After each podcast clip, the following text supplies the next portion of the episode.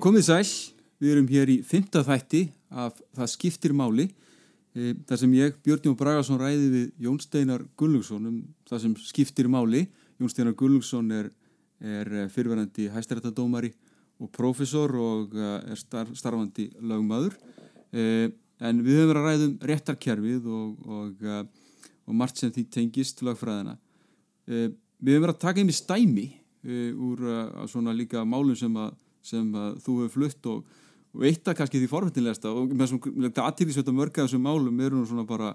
eru nú hérna svona kannski stórir þættir í, í réttarsögunni og það er nú kannski er nú þetta mál þegar fósita hæstaréttar á viki úr ennbætti sem að, sem að þú það sem þú varst, varst í hlutverki verjanda fósita hæstaréttar sem þú hafði nú, verið, sem hafði nú svarað gaggrinni þinni ekkit löngu fyrr Já, það var nú, já, það er alveg rétt, það var aldrei, ég veit ekki hvort ég á að segja broslegt að þegar ég gaf út bókina Delta Dómarana þá, þá var það auðvitað fórseti réttarinn sem aðalega var þar til ansvara og síðan gerðist það að einhverjum tveimur, þreimur árun setna, ég man ekki hvað leði langu tími, að þá verður hann fyrir þeirri ágjöf að, vera vikið úr ennbætti fórseta hæstaréttar af ástæðin sem ég kem nú að og þurfti að fá sér lögmann og þá komandi mín og ég held að það sé nú alltaf hægt að fá meiri viðurkenningu í lögmastarfinu heldur en að einhver sem að maður hefur þurft að, að svona, hefur þurft að andmæla manni leitar svo til manns til að fá varnir. En, en fósiti, með... fósiti, fósiti, já það er sem stýstum þetta, fósiti hæstarættar er, er handhafi fósita valds. Já,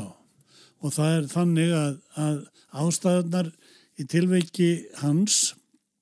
í þessu tilveiki hans, voru þær að, að hann var handhafi fórsetta vald sem það eru þeir þrýr þar að segja fórseti hæstaréttar, fórseti alþingis og fórseti sáðara þegar að fórseti Íslands fer til útlanda. Og uh, hann hérna var einn af þessum þremur handhafum fórsetta valds og þá fenguður þær heimildir sem að fórsetin hafði til að kaupa á áfengi áfengisverslun ríkisins á, á lægra verði heldur en almenningu fær að kaupa það á. Fórsetin Magnús Stóratsen lendi í því en að gæsa lappa að fórsetin sem að Ísland sem að hafi tekið við þarna fór mjög mikið til útlanda.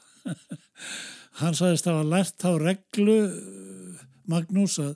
af fyrirrænara sínum að það væri vennilegt að nota þóknanar fjöð sem þeim fengu fyrir þetta starf til þess að kaupa fyrir það áfengi í ríkinu og hann gerði það, fór þar bara og kefti áfengi yfir búðaborðið. Og... En það gáttu verið talsveri peninga, þetta er alltaf hlutfalla launum fósita. Já,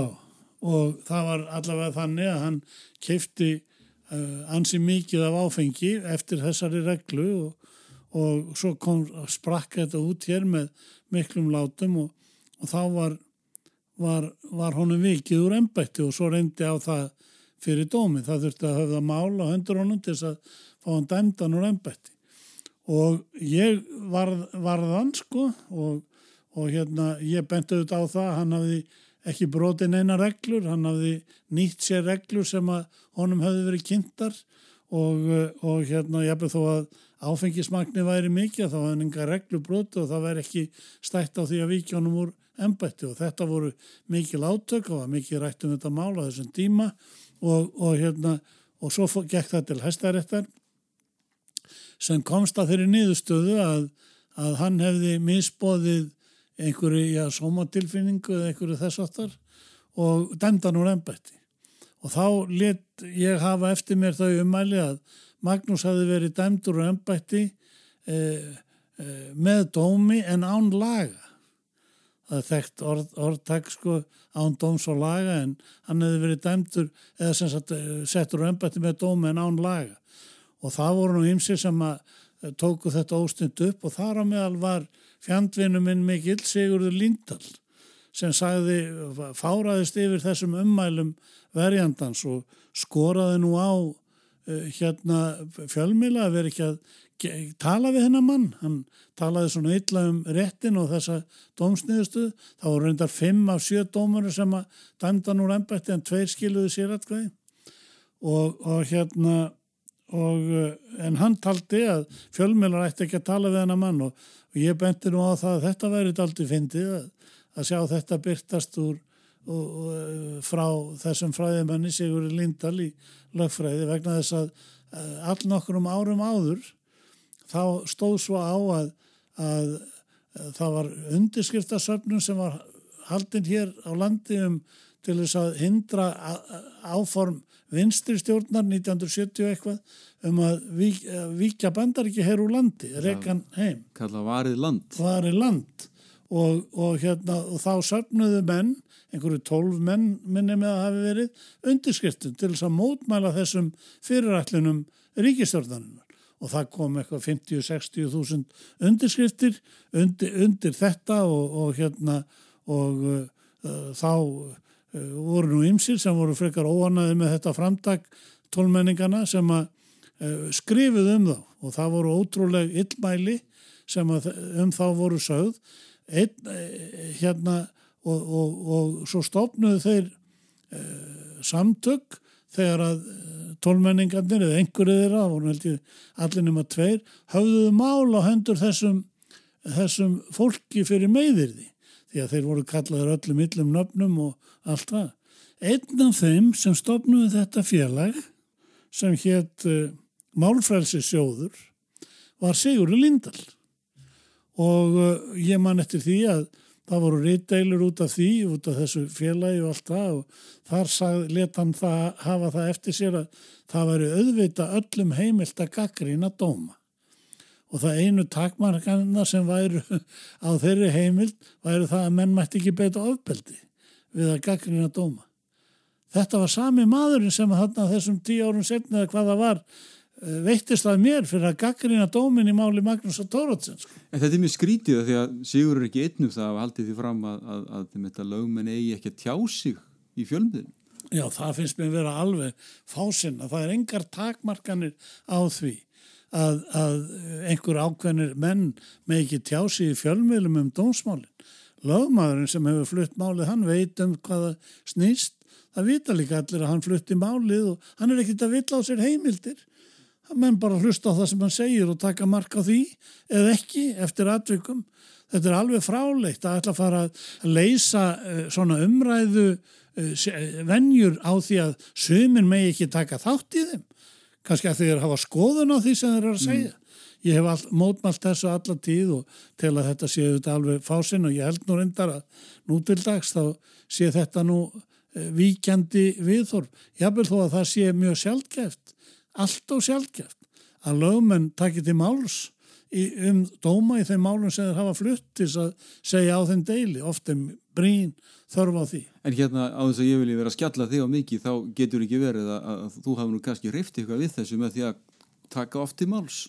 Já, ég vona það bara. Ég hef ekkert hika við að gera það. Ég hef hins vegar haft alveg ákveðnar reglur sko í öndvegi í allir þeirri umfjöldum að vera málefnanlegur og málefnanlega heiðarlegur sko og segja bara mína meiningu og færa rauk fyrir henni og aðrir geta þá bara mætt því með andrökum. Ég hef hins vegar oftar en ekki mátt sæta því að vera eh, beittur einhverjum yllirðum og til dæmis Sigurður Lindahl. Það var reyndar alveg kostulegt hvernig hann talaði til mín sko í kannski hefur hann haldið að ég væri bara einhver, sem ég var nú, einhver svona stráklingur í, í nýkomin út úr lagadeldinni og, og hérna sem fór að gaggrýna hann fyrir, fyrir hérna eh, kenningar hans um það að Dómstóla settu lög og svona það sem hann gekk mjög bratt fram og ég gaggrýndi það og, og hann eh, svaraði því með miklum eiginlega hálfgjörnum ofstopp að ég lýsi því nú í bókinni minn í krafti samfaringar og þeir, þeir menn verður nú bara þetta er alltaf landis að fara yfir það hérna en það var alveg ótrúleg yllirði sem hann jós yfir mig sko. kallaði mig líðskrumara og, og, og hérna með fjölmiðla hjör, hjörðina og eftir mér og ég veit ekki hvað og hvað sko. e, e, Kanski, svo við séum líka kannski látu þess getið að þið sættu síðar eins og komið fram já, á þessum þáttum en, en hérna og, og en mér langar að spyrja það líka að því að nú kannski eru þessi þarf að segja Sigurður haldið fram og, og, þeir, og þeir sem gaggrina það að lögmenn tjáði sér mikið uh, og nefna þó gjarnan að uh, dómararnir eigi ekki að tjá sig ofinbæri umræðu um, um einstök mál. Nei, og, og það sé þá ekki það sé þá ekki til ansvara ekki, hvað með hinn lögmannin eða einhverja sem hafa skoðun þetta er bara venjuleg þjóðfélagsmál. Dómarar eiga að segja það sem þeir hafa um málið að segja í forsendu dómsins. Það er um það sem máli snýst þeir eru ekkit að þurfa að segja neitt meira. Ef að þeir þurfa að segja eitthvað meira þá er það bara vísbending um það að forsendunar hafa verið ofurlegandi og, og, og þannig er það bara. En aðrir menn hafa auðvitað fullt frelsi til þess að fjallum dómana og hvernig dómstólar hafa komist að niðurstöðu. Mér langar að hverfa aðeins aftur að, að hérna, því sem við sögum um hérna, fósita hæstaréttar vegna þess að, að ef ég maður rétt þá lagðist þú heilmikla rannsóknarvinnu við, við, við málsvörnina og meðal hans kannaðar þetta með e, hérna, sagt, heimil til áfengiskaupa, hún reyndist vera bara hansi viðtæk líka. Já, já, þetta var þannig að það var ekki bara þessir handafar fósettavalds sem höfðu þessa heimild, heldur höfðu ráðherrar hana líka og svona og það auðvitað upplýstist í málinu og, ég, og, hann, og hann gekk nú á veggi við að fá upplýsingar um það alveg hreinar en að ráðherrar sömur höfðu gengið mjög,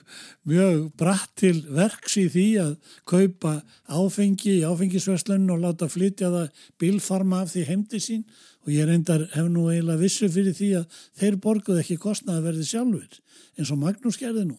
Heldur letuður bara ráðuneytin borga það. Og Magnús, aðtæklis að Magnús kefti þetta yfir búðabóð já, já, fór sjálfur í bara hönd, hönd, hönd, hönd seldi já, hendi. já, engin lind á neinu. En þessir, þessir ráðherrar sem hafðu þessar heimildir að þeir hafðu, ég minnst sumi hverjir, letu bara keira heim til sín bílfarma af áfengi og settu þá í, inn í geimslu hjá sér og letu ráðunættin borga og svo heldur bara vistlur heima og ég meiri segja eitt er að hann, hann kvatti gesti sína til þess, ég frétta af því til þess að vera nú ekki að spara sín eitt í áfengistrislunni því að, að ráðunætti borgaður Já, skattgreðendur Skattgreðendur sjálfur sko. En það er líka, því þarna þarna reggur þú vekki og það er það er erfitt að afla upplýsinga en það er nú eitt sem hefur breyst að komu upplýsingalög já, já, já. þannig að stjórnstíslinu skilt að aðfenda gögg þó svo að gangi nú svona svona að fá þau Já, já, það er margt sem að hefur færst til, til betri vegar sko og, og hérna meðal annars upplýsingalögin er auðvitað af því, af því tægi og, og hérna Ég mann, ég, mér fannst nú góðdóldi grein sem ég las í bladi núna eftir ágætan höfund, hann Loga, Logi Bergman heitir hann, þar sem hann skrifaði ég mann og rifjar upp alls konar hluti sem hann mann frá því á fyrri árum sínum og það sínir okkur líka hvaða er margt sem hefur breyst og lang oftast auðvitað til betri vegan. Þannig að við erum ekki stöðnuði því, kannski hef ég einhvern tíma nátt þátt í því að stöðlaði einhverjum jákvæðum breytingum, ég vona það, en allavega þá er þetta þannig að, að mér dætnum í hug hvort að ég ætti að skrifa núna grein sem segði ég mann og setja mig þá svona í stellingar eftir 30 ár og segja frá því sem ég mann sem núna er við líði en þá verður búið að laga ég veit nú ekki hvort ég legg en, en, það er, líka svo, svo hættu því að menn sem eru ekki gaggrinni verður bara samdöyna alls konar snar gölnum hugmyndum. Já, já, það er, það er eins, og, eins og ég hef sagt það er eins og sé eðli mannsins einhvern veginn að makka með umhverfun það eru fáir sem brjóta það upp og ganga gegn einhverjum viðteknum glísjum og skoðunum. Það sem er, er eh, sem sagt viðtekið og að þá vilja bara menn, það er langt þægilegast ef þeir eru til dæmis einhverju embættismenn eða dómarar að gera bara það sem hefur verið gert áður og rekast vel í hópnum. Verið ekki svona hérna, einhverju uppreista menn eins og ég hef sennilega verið allar tíð sko vegna þess að ég vildi bara fylgja minni samfæringu og, og, hérna, og allt það. Mér er nú dóttið í hug þegar þeir voru að reyna að hindra það að ég er dómari að þeir hafa kannski bara séð það að ég myndi ekki vilja makka með þeim í fjölskyldustemningunni. Þegar það var alveg rétt. Það, hérna, ef að þeir vildu bara dómara sem að gerði bara það sem að þeir vildu, sko. Að þá var ég auðvitað ekki rétti maðurinn og uh, út frá því sjónum við eðlilegt en að gesa lappa þeir berðist gegn því. En auðvitað á það ekki að vera þannig heldur á auðvitað eins og ég hef fært rauk fyrir að dómara reyga auðvitað að vera sjálfstæðir í hugsun og leita úrlausna eftir réttarheimildum og standa við þær eftir að hafa borðið þeir sama með aðra náttúrulega og þess að það. Mér nokkar líka að, að vikja þá að máli sem tengist nú þessu, það er að segja þar að segja menn áttu ekki endilega rétt á bótum vegna gæsluvaraldsir árum áður og það eru mál sem að, sem að hafðu nú einhver áhrif til breytinga í því efni sem, að, sem þú, þú, þú fluttir. Já, já. Það var þannig að ég var í svo nefndri réttafast nefnd var um, hérna nefndarmadur þar. Þú kannski komið hvað gerir rétt að fast nefnd Já, hún, hún henni er hún er stofnu til þess að vera tónsmálaráð þeirra til ráðuneyti sem lögjafamálefni sem er nú taldið sko, já, er nú út af fyrir sig ágætt hlutverk en það er ekki endilega rétt að hafa dómara sko, starfandi dómara í því verkefni eins og hefur nú verið sko. En það var nú áður en ég var dómari sem ég átti sætið þessar nefnd og og, og þar hafði maður auðvitað áhuga á því að, að, að laga ímislegt í réttafarslögjöfni sem maður taldi að aflaga færi. Eitt af því var það að ég taldi að þeir sem hefðu orðið að sæta frelsisviftingu gæsluvarhaldi að ósekju þar að segja án þess að frammerði komið einhverjum sökum, refsiverðum sökum sem vörðuðu frelsisviftingu á hendur þeim að þeir ættu skilirist löst að eiga rétt til bóta. Er það ekki bara sangjart og öðlegt? Já, þeir hafðu orðið að láta af frelsi sínu í þáu rannsóknar hagsmuna samfélagsins, hagsmuna að rannsaka brot og ef þeir reyndust ekki að hafa brotið af sér, er þá ekki augljóst að það er samfélagi sem á að bera kostnaðin en ekki maðurinn sem þurft að beita, sæta þessu harræði. Og ég fór fram með þennan málstað í réttafast nefnd og óskað eftir því að við gerðum tillögur um þetta En þar sátu nú að fleti fyrir menn sem ég kynntist nú betur síðar. Markus Sigurbjörnsson, síðar fósetti hestarættar var formaður nefndarinnar og, og hérna og hann var nú ekki alveg á þessu máli og, og það var nú leita álit mann ég álits á þessu, þessari tillugu hjá ríkislagmanni sem þá var Gunnlegu Klassen sem síðar var einnig samdómari minn í hestarætti og þeir heldur nú ekki, það væri ekki ástæði til að gera neina lagabreitingar á þessu en reglurnar voru þannig á þessum tíma að sá sem að óskaði bóta fyrir svona frelsisveftingu, hann þurfti að sína fram á að hann hafi fremur verið líklegur til að vera saklaus en segur þegar hann var handtekinn og settur í gæslinu. Þetta var auðvitað að mínum að þetta alveg fráleit viðmiðun, að mínu áliti þá óttu þeir menn sem að auðvitað að sæta slíku bara rétt á bótum fyrir það eitt að verða sviftir frelsi. Það, það er ekki heimilt að svifta með frelsi með dómi eh, nema að ítalegum eh, undangengnum ítalegum sönnafæslu og vafi á að metast þeim í hag. En þessir herramenn vildi nú ekki gera þessa breytingar og, og þá tók ég nú þá afstöðu að ég gæti ekki verið að starfa við þessar aðstæður. Saði mig úr þessari ágættu nefnd. Og þá gerist það, nú stundur skríti sem gerist í raun og öru, að það leitaði til mín sagbortingur sem hafði orðið að sæta gæsluvaraldi sem var vegna þess að sambílismæðurinnar var grunaður um innflutting á fíknefnum. Og hún var tekin og sett í gæsluvarald. Og það var engin efni til þess að gruna það að hún hefði átt einhvern þátt í þessu broti og það blasti við að þetta var til þess að þvinga mannin til þess að játa hann að þið neytaði svara spurningum að því að þau áttu lítið badd saman og það var auðvitað vandraðið ef að hún var svift frelsi sínu með baddnið. Þetta er náttúrulega skelvilega harneskjulegt að nokkuð menn, menn skuli gera svona. Alveg rosalega og þetta var nú þannig að, að, hérna, að ég tók að mér þetta mál fyrir hana og, og við höfðum mál uh, bóta mál á hendur Íslenska ríkin, ríkinu um, um, um, hérna, um kröfur hennar og, og og eh, nú það var, gengur nú dómar sem að sinniða hennum um þessa bætur á þessari fórsendu sem hvað áum í lögun og við kærðum þetta til Strasborgar eða hún kærði þetta. Og þar var málið komið á flegi ferð.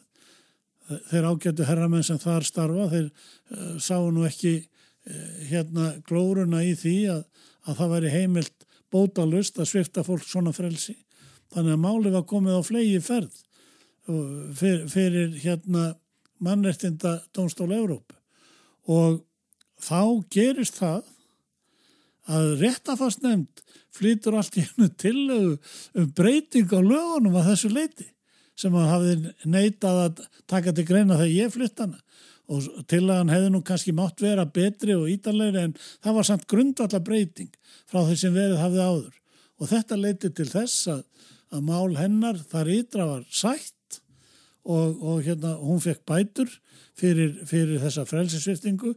og síðan var lögunum breytt hér en það var aldrei að hló mér hugur í brjósti þegar að þessir fyrirvændi félaga mínir í réttafastnefn fluttu þessa tillögu um lagabreitingu án þess að láta þess neitt getið hvers vegna þeir gerða en það var auðvitað bara út af þessu máli sko, það var alveg augljóst það allt í hennu dukkað upp til um það. Þetta er nú svona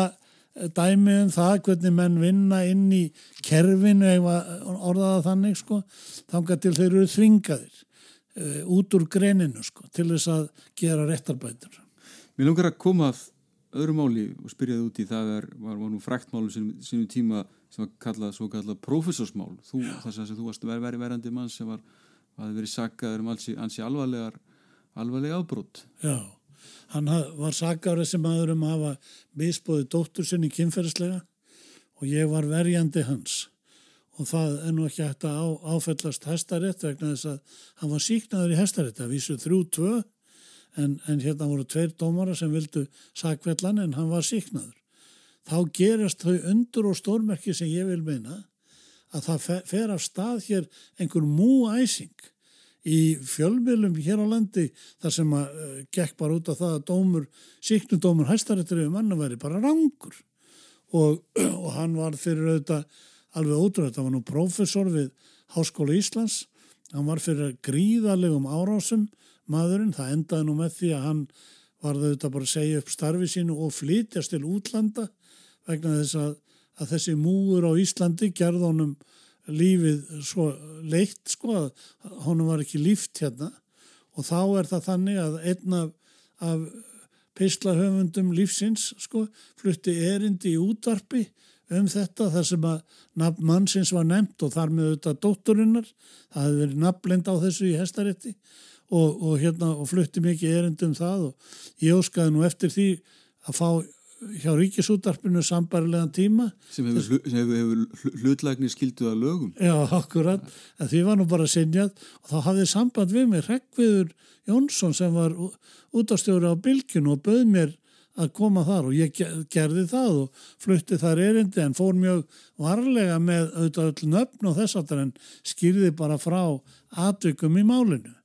Og það voru aðrir í ég sem hafðu nefnt dótturuna til þannig að allir gáttu sem til þekktu gáttu þekkt hana. Herðu, þá er það þannig að, að hún, einhver sem fær hana til þess, að hafa mála hendur mér fyrir að hafa meitt hana í þessu útaserindi mínu og, og hérna og mér fannst þetta nú vera frekar fráleitt en þeir letu sig hafa það. Eh, dómarannir í hæstarétti að dæma mig í, já það var nú ekki háan miskaböður en miskabóta greiðslu til hennar algjörlega ófyrir sinni að mínu mati það er svo sem ekki mitt að, að dæma um það. Ég mátti sæta því að vera talin hafa gert eh, á hlut stólkunar sko með, með því að, að svara því sem að þessi útastmaður hafi sagt. En, en byrtist ekki þarna kannski afstæðan eh, hérna líka að, að vilja ekki að lögmaður sé að tjá sig? Ég, það má vel vera að, að það hafi ómað í gegn en það voru þetta engin rauk fyrir þessum dómi sko það sem var tel, sem var teltar fram sem raukum fyrir þessar niðurstöðu það var uh, það að ég hefði eitthvað misbóðið henni sko eða með, uh, með, því, með því ég nefndi nú ekki eins og nafnið hennar í þetta það hefði annar maður gert það. Ég bara fjallaði um sakarefni málsinn sem reyndar var nú í dómarsafninu líka sko. En þetta er ótrúlegt einmitt af manni sem er að gaggrina þig og tegur til þess að vera að taka upp hanskan fyrir, fyrir, fyrir, fyrir stúlkuna að, að, að nafngreina mannin og þar með, þar með já, gera stúlkuna já, líka. já, það var að mínum mati það var að mínum mati freklegt brott gegn henni sko en það var nú ekki farið í málu hann út af því. En þetta er náttúrulega orðið enþá verra kannski okkar samtíma með nafnbyrtingar bara þar að segja hérna ef fjölmiðrætti gera það ekki þá er bara þá, þá verður það bara gert á netinu og, og kannski það vantar verulega upp á að ofta sagbótningu sem sínt til hlýðileg hlýð. Það er, það er þó nokkuð um það að dómar eru hvernig upp uh, nafnlust þar að segja að það nota bara bókstafir fyrir nöfnin og það er auðvitað viðleikni til þess að hlýfa svona persónulegum viðkvæmum hagsmunum en það er alveg rétt að það dögar skamt oft sko því að að fjölmilar sjá um það að, að, hérna, að leysa úr því það er að segja upplýsa fólkið um það hver það er sem á hlutamáli og það er auðvitað ekki gott. Nei, en mér langar að spyrja líka um já, það sem þú gæða rannsókn og réttafari í engamálum. Já, sko, það er þannig að í aðdraganda þess að, að, að ég var skipaðu dómar í Hestarétti 2004 þar hafði ég verið með mál. Það er nú alveg kostulegt hvernig Hestaréttur kom fram í því. Ég var með mál fyrir lítið bann sem hafði skadast í fæðingun á landsbytalan það atvikin voru mjög gróðun dráttum þau að það hafði komið upp súröfniskortur á fæðingadeildinni og, og barni fættist svo og, og þá var þrættur í æð leggur, æðaleggur til þess að greiða fyrir andadrætti og lífsmörkum barsins og barni var flutt yfir á barnadeildina og þar var, þar var hérna eh, tóku barnalæknar við sko og, og annuðust að ég taldi að, að það væri já, sagnæm vannræksla sem hefði valdið þessum skada á barninu og, og fóröldrarnir og við fórum í mál út af því. Nú það fór svo í héræði, þar voru kvattir til sérfræðingar, það sátu í hérastómi með dómaranum, barnalæknir og, og fæðingalæknir og svo voru kallaði til sérfræðingar sem skiluði álitum og svona. Og það gekk dómur í, í málinu og við unnum málið. Það var dæmt bótaskilda á hendur landsbytarna og það var gert vegna þess að það var talið að það hefði verið gerð mistök á barnadildinni en ekki á fæðingadildinni. Ég reyndar var nú á annari skoðun, það hefði verið meiri sök á fæðingadildinni vegna þess að það uppgötaðist súrefni skortur hjá barninu einum og halvum tíma áður en það fættist og það ótti bara að mínum að það gera bara bráða keisaraskur til þess að ná barninu þetta það var nú ekki gert en þetta var niðurstað og málun er áfríðað málun er áfríðað, Íslenska ríkið áfríðar þessum dómi. Já. og þá gerist það á litið sérstakt Já, heldur hæstir þetta fyrir að afla gagna heldur betur þegar það voru þrý fjóri dagar í málflutningi hæstaritt í málunu og þá voru ynga kröfur komnar fram af hálfu ríkisins sem frekar ekki aðgnaflun, þá fáum við orðsendingur hæstarétti um það að hæstaréttur hafi ákveðið að leggja málið fyrir læknaráð en það var fast skipað nýju manna ráð, lækna, sem starfaði hérna til þess að gefa álit á einhverjum læknarfræðilegum efnum, en það gæti ekki verið hlutverk hastar eftir að byggja um þetta. Nei, þetta gengur þá bara gegn málsfóraðisreglur. Algjörlega. Og kannski þú geti kannski útskýrt málsfóraðisreglurna aðeins. Já, hún er, gengur út á það að það eru málsaðiladnir. Í engamálum. Í engamálum sem ákveða gagnaöflun og þess vegna álitskerðir sérfræðinga og þeirra því er að skipta og svo framvís og læknar áð, það er hægt að óska eftir því ef málsæðili vil að domstólinn úrskurði um það að það er að senda læknar á því ákveðna spurningar um sakarefni máls í, í svona læknamáli. Nú það hafði enginn gert það, hvoru málsæðilin hafði gert það í þessu máli og þess vegna var bara beð þetta eftir málfrundingi. Þegar hæstir eftir stígur svona inn í þetta og, og ég náttúrulega tók þessu nú ekki þegjandi sko. Og, og hérna mótmælti þessu hástöðum, það þýtti ekki neitt. Og, og skrifaði um þetta rannsóknar eftir að fara í, í engamálum, það var nú grein sem ég skrifaði en, en þetta tók nú eitt ár. Og þá kom álit ég líka, af því að það voru læknar í læknaráði sem störfuð á landsbyttal sem var annan málsæðilin og ég hafi gert kröfur um það að þeir kemur allaveg ekki nálagt álits umleitan í málunu. En það var nú forsmáð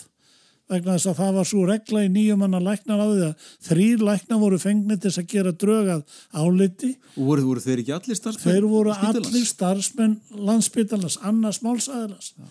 Og þeir komust að þeirri niðurstöð að það væri ekki datu að verðt við lækningsbeðferðin á spítalunum. Þar sem þeir voru sjálfi starfandi.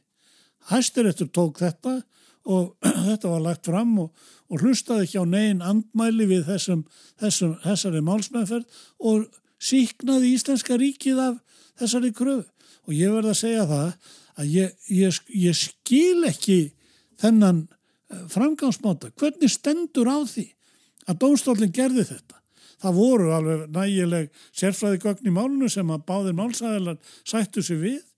og það, manni dettur bara helst í hug hann situr nú í hæstarétti fyrverandi ríkislagmaðurinn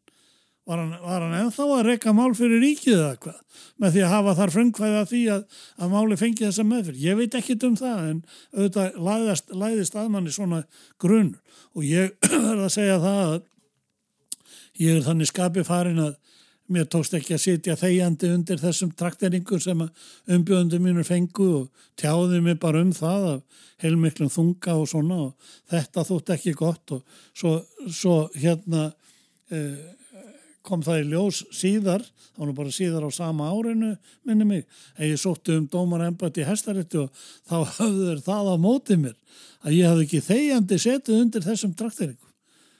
Verðu þeim bara góðu, sko. Ég meina... En, en við þá vorum með, Berlins að halda þið fram að þeir vildu að menn væru bara hlýðnir og, og, og ákastki ætluðust til hlýð, hlýð, hlýðinni við valdið. Já, eða hvað, er það ekki? Það var reyndar þannig í framhaldinu að meðferð þessa máls fyrir hæstarétti var kærið til eh, mannréttindadómsláls Európu og var nú félagi minn á lögmanstofunni Heimir Örn Herbertsson sem að annaðist það mál. Nú þar gekk dómur í, á árinu 2007, 5. júli 2007, þar sem komist var að þeirri niðurstöðu að brotin hefði verið réttur á batninu við meðferð þessa máls í hæstarétti, þeirri meðferð sem ég hef hér verið að lýsa, broti gegn sjöttu grein mannrettindasáttmannas og Íslenska ríki var dæmt fyrir það, batninu dæmtar bætur og kostnaður. Þannig að þar férst nú staðfesting þess góða dómstóls á öllu því sem ég hef sagt hér á hendan þeir sögðu, það kom nú eitt að til mig, ég get nú sagt alveg sérstaklega frá því og ég held ég hafa nú minnst á það hérna, það kom einn af þeim, Gunnlaugur Klassin sem var nú gammal vinnu minn, til mín á skrifstofuna til þess að byggja mig um að sækja ekki um dómaræmbætti og ég hérna, þetta var nú aldrei skríti vegna þess að tölvert löngu áður þá höfðu dómarar í réttinum hreinlega óskað eftir, ég sækt um, töldu það vera eftirsóknarvert og ég auðvitað kváði og byrja eftir að, já og hann sagði mér það bara beint út að því að hæstiréttur gaf umsagnir um umsakjendur að ég þurfti ekki að búast við því að hagstæða umsögn réttarins uh, hérna vegna þess að þeir vildi ekki fá mig. Þetta voru nýju dómarar sko, átta af þeim vildi ekki fá mig inn, inn í réttin. Einn var á annari skoðan, Ólaður Börgur Þorvaldsson og ég kváði bara, ert að segja mér það gunnlaugur að þið ætlaði að misnota umsagnar aðildina um umsækjendur til þess að hindra það að ég veri skipaði dómari. Og þá ég man alltaf eftir, eftir klausunum sem að fór með, þú þart ekki að búast við því að þegar átta dómara vil ekki fá þig til samstarfs að þess mun ekki sjá stað í umsakur réttarinn sem dómarefni og ég sagði bara byrju, ég, ég mun sækja um sko, svo sótt ég um og skrifaði og þá skrifuðu þeir sko álitt þar sem ég var settur eitthvað niður þá var nú alveg fáránlegt álitt það var svo rangt og, og hlutrækt og, og hérna og allt það. Ég skrifaði eh, eh, bref um þessa álitskjörn og sendi brefi til ráðhæra sem átt að skipa. Og, og hérna þar sem ég fór bara yfir þetta í, í smáadrið nú hann hann var nú í útlöndum, hann var settur á þeirra sem skipaði og hann skipaði mér bara þegar hann kom heim sagðist bara að gera það eftir bestu samvinsku og fór ekkit eftir þessu áliti þeirra. Þannig að við þessar aðstæður þá kem ég inn í réttin sem var nú ekkit mjög þægilegt. En að því að ég reynir nú að ganga beint framann að málum að þá tók ég þetta bref sem ég hafi skrifað um umsagt þeirra, lagði það á skrifborði hjá þeim öllum í réttinum og saði þeim það að þetta bref hefði ég skrifað ráðherranum til þess að, að, að andmæla þessu álitið þeirra. Ráðherran hafði reynda sagt að hann hefði ekki lesið brefið sko, skipaði mér bara samt og ég saði þeim að þetta hefði ég gert og, og nú var ég, var ég búið að skipa mig þarna og við skildum bara, eða ég stingi upp á því við settum þetta bara aftur fyrir okkur. Ég þurfti að vinna með þeim hann í réttinum og væri komið þarna bara til að gera það af heilindum og við skildum gleyma þess en síðan ég tekka fram í bókinu minni að ég sé eftir þessu síðast að vera að segja við á að þetta væri bara glemt og við skildum reyna að, að, hérna, að gleyma þessu bara vegna þess að framkoma þeirra gagvart mér í starfið þannig innan réttanins Sýti kannski þeir voru ekki tilbúin að gleyma þessu. Já, svo sannarlega það voru sko, það, það var svona klíkustarf og mikið um lokaðar dyr. Mikið búið að taka einhverja ákvarðanir Varstu, la, varstu laður í einelti? Ég not ekki svona það, Þú dóm ekki hörkutól Já, ég vil ekki nota það. Menn verða bara að haga sér eins og, eins og Guð hefur gefið þeim eðlið til en það, það var alveg ljóst að þeir tóku ákvarðanir í stórum stíl að þess að hafa mig með á því, ég held að það hef ekki verið eftir bókinni að gera það og ég var mjög oft var við það og, og hérna og tillögur sem að ég var kannski með sko, að þeim, þeim var bara slegið á frest og svo komu þeir með eitthvað allt annað setna sko, á þess að ræðan og ég var aldrei hafið með í neinum ráðum þetta var nú svona frekar óskemmtilegt að starfa við þessar aðstæður en ég gekk bara í það og reyndi bara að vera góðu dómari og beita minni löffræði þekkingu á dómsmálinu og skila sér atkvæðum þegar að það átti við en svo var ég fljótur í burtu því ég gætt sko. það, var... það segir nú kannski eitthvað en, en segir mér líka að þú varst að tala um, tala um þetta mál þar sem að það sem að, það sem að sem það, það er tapað gegn íslenska ríkinu það er oft, menn segju ofta að það sé mjög erfitt að fara í mál við íslenska ríki og domstólati drægi allt og oft taum íslenska ríkisins, ertu samála því? Já, sko það er svona í sumum máli, það, þetta hefur nú breyst til batnaðar held ég. Þetta var svona á þeim tíma sem að til dæmis bókinn Delt og Dómarna kom út uh, á, á svona síðari hluta síðustu aldar. Það var þetta þannig. Það þýtti bara yfirleitt ekki að, að eiga í deilum við handafa ríkisvalds. Það, þeir, það var svo mikil hlutrækni í gangi en það, kannski hafði bóki mín og frekari þróun þau áhrif að þetta breyttist en,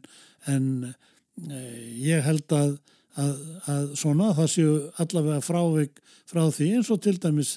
dómur sem ég kalla rannsóknar eftir að fara í engamálum en nú kannski dæmi um það, það hérna var auðvitað þannig að þar var dæmt Íslenska ríkinu í hag þó að engin rögværi, lögfræðileg rögværi fyrir því. Nú var nú þegar við vorum konungsríki þá vorum við konung sem var konungur að Guðsnáð er, er, er telamensi hafa jafnvel einhverja hérna, já þessu jafnvel settir inn í ennbætti af Guðsnáð eða fyrir, þú... fyrir, fyrir Guðsnáð þetta sé Guðlegt vald og hún velti upp líka.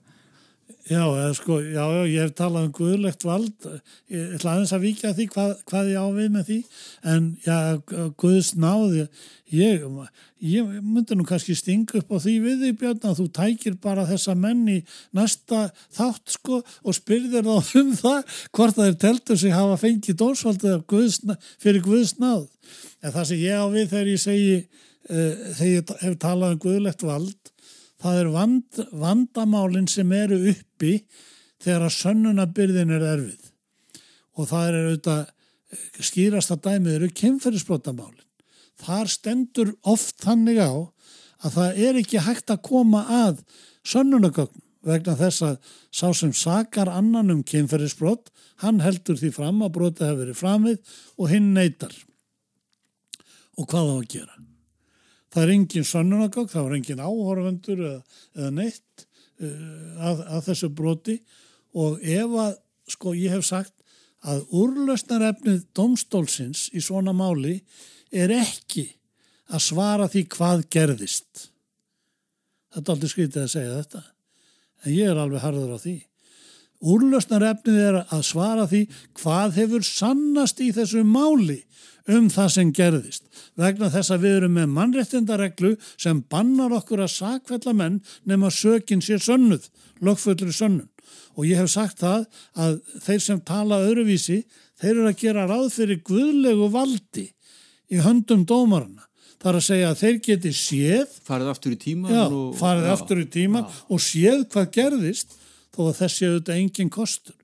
og það er eins og að fólk hafi ekki viljað skilja þetta sko að, að það verður auðvitað að beita þessum megin reglum réttaríkisins sem eru náttúrulega stjórnarskapöndnar er í alþjóðlegu mannrettindarsáttmálum þó að það sé um að ræða viðkvæma málaflokka. Við verðum að gera það, annars erum við að brjóta niður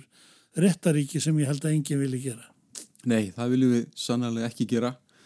Jón Steinar Gulluðsson, ég þakka þið fyrir spjallið og, og, eh, og þetta og hér líkur fynda þætti að það skiptir máli og þökk ykkur sem hlýtuð. Takk fyrir mig.